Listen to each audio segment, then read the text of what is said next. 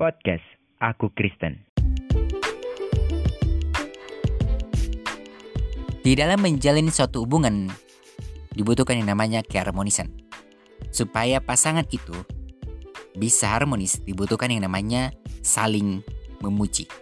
Biasanya cuma laki-laki doang yang sering memuji pacarnya.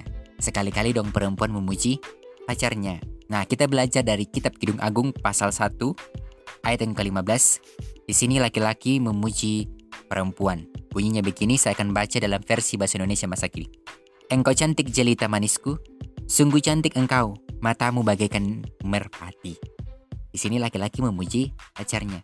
Pasti pacarnya langsung, oh so sweet. Nah, di ayat yang ke-16, perempuan juga memuji pacarnya. Begini bunyinya. Engkau tampan sayang, sungguh tampan engkau. Petiduran kita di rumput hijau. Kan sekali-kali perempuan memuji pacarnya supaya terjadi keharmonisan supaya tidak terjadi pertengkaran di dalam suatu hubungan. Kalau ada pertengkaran itu wajar, tetapi sebisa mungkin kita tidak bertengkar. Nah di ayat yang ke-17 dikatakan begini, pohon aras jadi tiang rumah kita dan pohon cemara langit-langitnya.